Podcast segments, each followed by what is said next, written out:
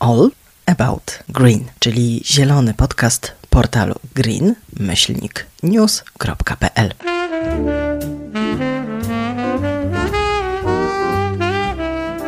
Tu znajdziesz najnowsze wiadomości o transformacji w energetyce, o OZE, elektromobilności, przemyśle, światowych trendach i tym, jaki mają wpływ na polską politykę i gospodarkę.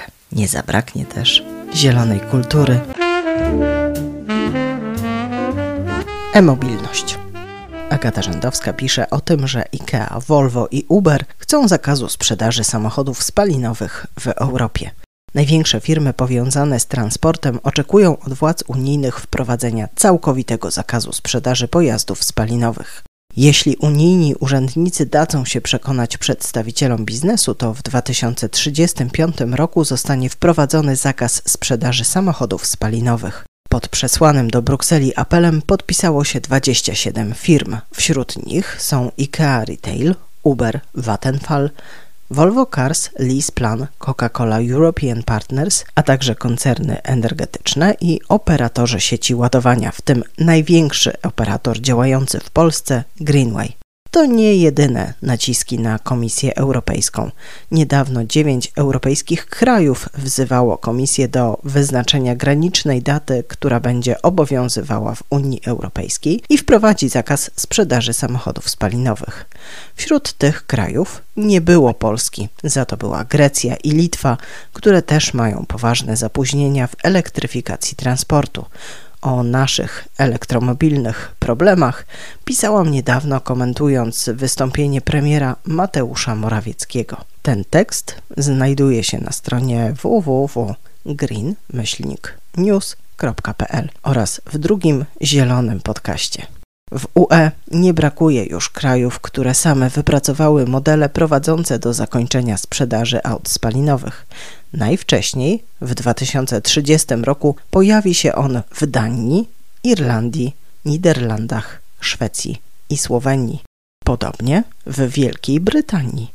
Kraje unijne i Wielka Brytania wyprzedzi jednak Norwegia, która już w 2025 roku chce wprowadzić takie ograniczenia.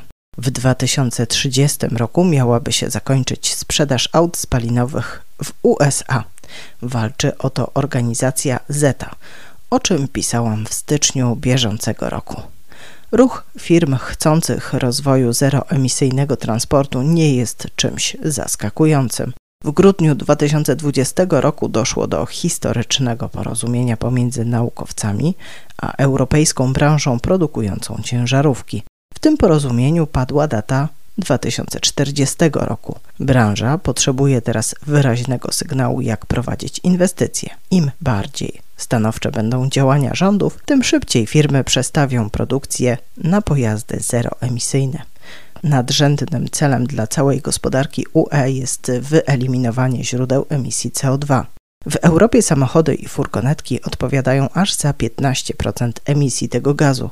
Dodatkowo emitują szkodliwe dla człowieka tlenki azotu, którym przypisuje się winę za przedwczesną śmierć ponad 50 tysięcy mieszkanek i mieszkańców Europy. Ważny jest też aspekt ekonomiczny. Kraje europejskie wydają rocznie ponad 200 miliardów euro na import ropy. Takie dane podaje organizacja Transport and Environment. Innowacje. Maciej Sikorski pisze o tym, że IKEA będzie niczym komis meblowy, a popularna sieć odkupi używane meble i ponownie wprowadzi je na rynek. Klienci w Wielkiej Brytanii mogą się w prosty sposób pozbyć mebli ze szwedzkiej sieci i odebrać bon na kolejne zakupy. Recykling najczęściej kojarzony jest z opakowaniami szklanymi, papierowymi, a zwłaszcza plastikowymi. Należy jednak pamiętać, że wtórny obieg surowców powinien dotyczyć wszystkich sfer naszego życia. Od ubrań przez elektronikę po meble. W końcu wszystkie te produkty wcześniej czy później trafiają na wysypiska, a surowce są bezpowrotnie tracone. Zmienić chce to IKEA, która uruchamia program odkupu używanych mebli od klientów. Pomysł nie jest nowy. Szwedzka sieć sklepów już go anonsowała, a nawet wdrażała, ale w planach poważnie namieszała pandemia. Dziennik The Guardian donosi jednak, że jesienią w ciągu jednego miesiąca klienci w Szkocji odsprzedali sieci 10 tysięcy produktów. Teraz projekt będzie rozszerzany na całą Wielką Brytanię. Wpływ eksperymentu na ten rynek może być spory, bo mowa o największym detaliście branży meblowej na Wyspach. Klienci zainteresowani taką transakcją nie muszą rozkręcać mebli zakupionych w sklepach IKEA. Sieć przyjmie je w całości. Jeśli produkt będzie w idealnym stanie, klient może liczyć na zwrot w wysokości 50% wyjściowej ceny. Im gorszy stan, tym niższy zwrot. Osoba zwracająca przedmiot nie dostanie pieniędzy. Sklep daje bony na kolejne zakupy, a odkupione meble wystawia w sprzedaży stacjonarnej oraz internetowej. Część z nich podda renowacji, a te najbardziej zniszczone zutylizuje ale w taki sposób, by pozostały w obiegu zamkniętym, czyli posłużyły do wytworzenia kolejnego przedmiotu. IKEA robi coraz więcej, by stać się firmą neutralną dla środowiska i działa na wielu płaszczyznach. W serwisie greennews.pl możesz przeczytać, że zdecydowała się wycofać z spółek sklepowych popularne baterie paluszki i wysłać na emeryturę swój kultowy katalog. Reorganizuje też ofertę spożywczą, by więcej miejsca zajmowały w niej produkty roślinne. Firma zaproponuje także klientom części zamienne do wybranych mebli. W efekcie naprawią oni uszkodzone przedmioty albo dostosują je do nowych trendów. Klimat. Justyna Piszczatowska, redaktor naczelna portalu greennews.pl, pisze o tym, że Niemcy radykalnie przyspieszają w polityce klimatycznej. Zerowa emisja CO2 o 5 lat szybciej. Tylko w ubiegłym roku emisje gazów cieplarnianych w Niemczech spadły o 9%. Niemiecki rząd zapowiada zmiany w prawie klimatycznym, które poskutkują radykalnym przyspieszeniem w odchodzeniu zarówno od węgla, jak i innych źródeł emisji. Do 2030 roku emisja CO2 w Niemczech ma spaść o 65%, a nie 55%, jak dotychczas planowano. Wartości te odnoszą się do roku 1990. Neutralność klimatyczną kraj chce osiągnąć do roku 2045 to 5 lat szybciej niż reszta Unii Europejskiej. Nowa, dość zaskakująca propozycja rządu Angeli Merkel to reakcja na rosnące poparcie dla Partii Zielonych oraz na przełomowe orzeczenie niemieckiego Trybunału Konstytucyjnego, który stwierdził, że tamtejsze prawo klimatyczne z roku 2019 niedostatecznie chroni podstawowe wolności przyszłych pokoleń, ponieważ nie zawiera celów redukcji emisji wychodzących poza rok 2030.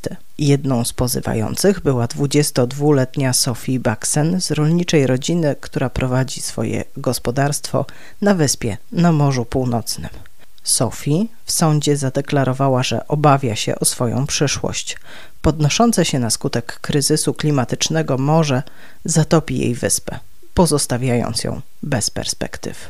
Nowe cele klimatyczne Niemiec dotyczą nie tylko sektora energii. Tak daleko idąca redukcja emisji musi obejmować całą gospodarkę. W projekcie ustawy przedstawiono więc sektorowe cele redukcji zanieczyszczeń.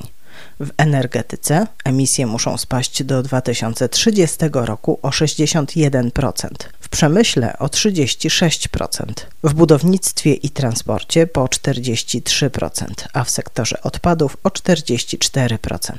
Projekt przepisów zostanie zapewne przyjęty przez niemiecki rząd niebawem. Następnie trafi pod obrady parlamentu. Określenie szczegółowych zasad wdrożenia nowego celu będzie należeć już do kolejnego rządu. Wybory w Niemczech odbędą się jesienią. Nowe niemieckie propozycje w sprawie klimatu są bardzo ambitne, ale z dzisiejszej perspektywy nie są niemożliwe do osiągnięcia. Tylko w ubiegłym roku emisja gazów cieplarnianych spadła w Niemczech o 9%. To efekt spowolnienia na skutek pandemii koronawirusa, korzystnych dla OZE warunków pogodowych oraz rosnących cen uprawnień do emisji CO2. Nowe cele Niemiec to kolejny dowód na to, że trwa globalny wyścig w stronę neutralności klimatycznej. Niemiecki przemysł jest jego częścią i dąży do bycia w czołówce w zakresie technologii zeroemisyjnych. Inne kraje G20 powinny teraz również podnieść swoje cele klimatyczne, aby nie pozostać w tyle, ocenia Patrick Greisen, dyrektor think tanku Agora Energiewende.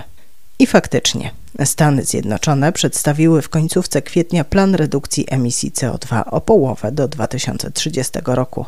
Dla Polski przykładem może być natomiast Wielka Brytania, która ograniczyła udział węgla w produkcji energii do zaledwie 2%. Więcej na te tematy przeczytasz w portalu greennews.pl.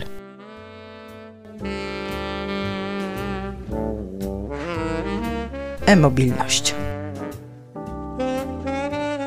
Agata Rzędowska pisze o tym, że Mateusz Morawiecki postawił na złego konia. Ursus traci licencję na produkcję autobusów. Nic nie wyszło z planu produkcji elektrycznych autobusów pod marką Ursus. Czy to koniec wielkich nadziei podsycanych przez rząd? A może to papierek lakmusowy stanu polskiej elektromobilności? Firma, która od lat ma problemy finansowe, miała niebawem zacząć odcinać kupony od produkcji elektrycznych autobusów. Ursus wciąż będzie mógł produkować pojazdy, ale na zlecenie. Nie będzie to produkcja własna na licencji pochodzącej z InvestMod. Taka decyzja to efekt braku działalności produkcyjnej w oparciu o wspomnianą licencję, zawierającą specyfikację techniczną dla autobusów wodorowych, bateryjnych, z silnikiem diesla, hybrydowych oraz trolejbusów. Działalność na rzecz podmiotów trzecich będzie wymagała odrębnych uzgodnień. Te informacje zawarto w komunikacie giełdowym spółki z 30 kwietnia bieżącego roku. Ursus skoncentruje się na produkcji maszyn i ciągników rolniczych, a także specjalistycznych kontenerów. Ma również kontynuować pracę nad projektem zeroemisyjnego samochodu dostawczego na bazie prototypu Elvi a Elvi to elektryczny dostawczak pokazywany w czasie targów przemysłowych w Hanowerze w 2017 roku. Uroczysta premiera odbyła się w asyście wicepremiera Mateusza Morawieckiego. Na tych samych targach Ursus pokazywał wodorowy autobus. W tym czasie Mateusz Morawiecki mówił, że elektromobilność to pierwsza rewolucja przemysłowa, w której możemy uczestniczyć jako lider, a nie odbiorca technologii i na wielu frontach wspierał Ursusa. Elwi miał służyć Poczcie Polskiej. Niestety do tej współpracy nie doszło. Premier wciąż podkreśla, że elektromobilność ma dla Polski ogromne znaczenie. Pisałam o tym przy okazji kongresu Together. Jest on też dostępny w naszym drugim podcaście. Firma miała ambicje konkurować z największymi. Była wymieniana obok Solarisa i Autosanu jako jeden z filarów produkcyjnych programu na rzecz odpowiedzialnego rozwoju, który miał dynamizować rozwój Polski. Jeszcze kilka lat temu nie było imprezy motoryzacyjnej czy technologicznej bez udziału przedstawicieli Ursusa.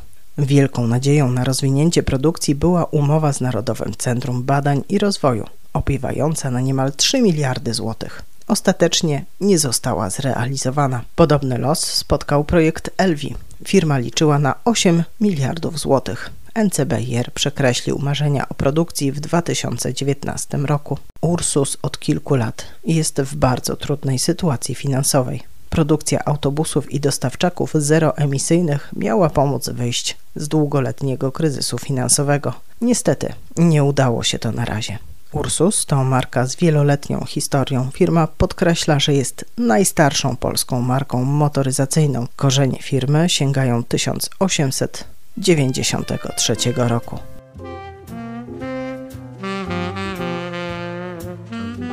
A co za tydzień w Zielonym Podcaście? Dowiemy się, jak szybko ceny samochodów spalinowych i elektrycznych się zrównają i czy dziś stać Polaków na nowy samochód elektryczny w wynajmie długoterminowym. Pojawi się też nowy produkt na półkach sklepów spożywczych. Czy jesteśmy na to gotowi? To i wiele innych zielonych tematów już za tydzień. Więcej zielonych newsów znajdziesz codziennie na stronie Green myślnik news.pl. Jesteśmy też na Twitterze, Facebooku i Instagramie. Green Podcast wydawany jest przez portal greennews.pl. Co tydzień znajdziesz w nim najważniejsze zielone wydarzenia tygodnia.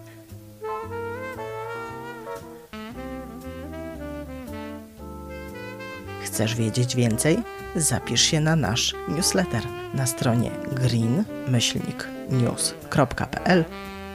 w zakładce newsletter wpisz swoje dane.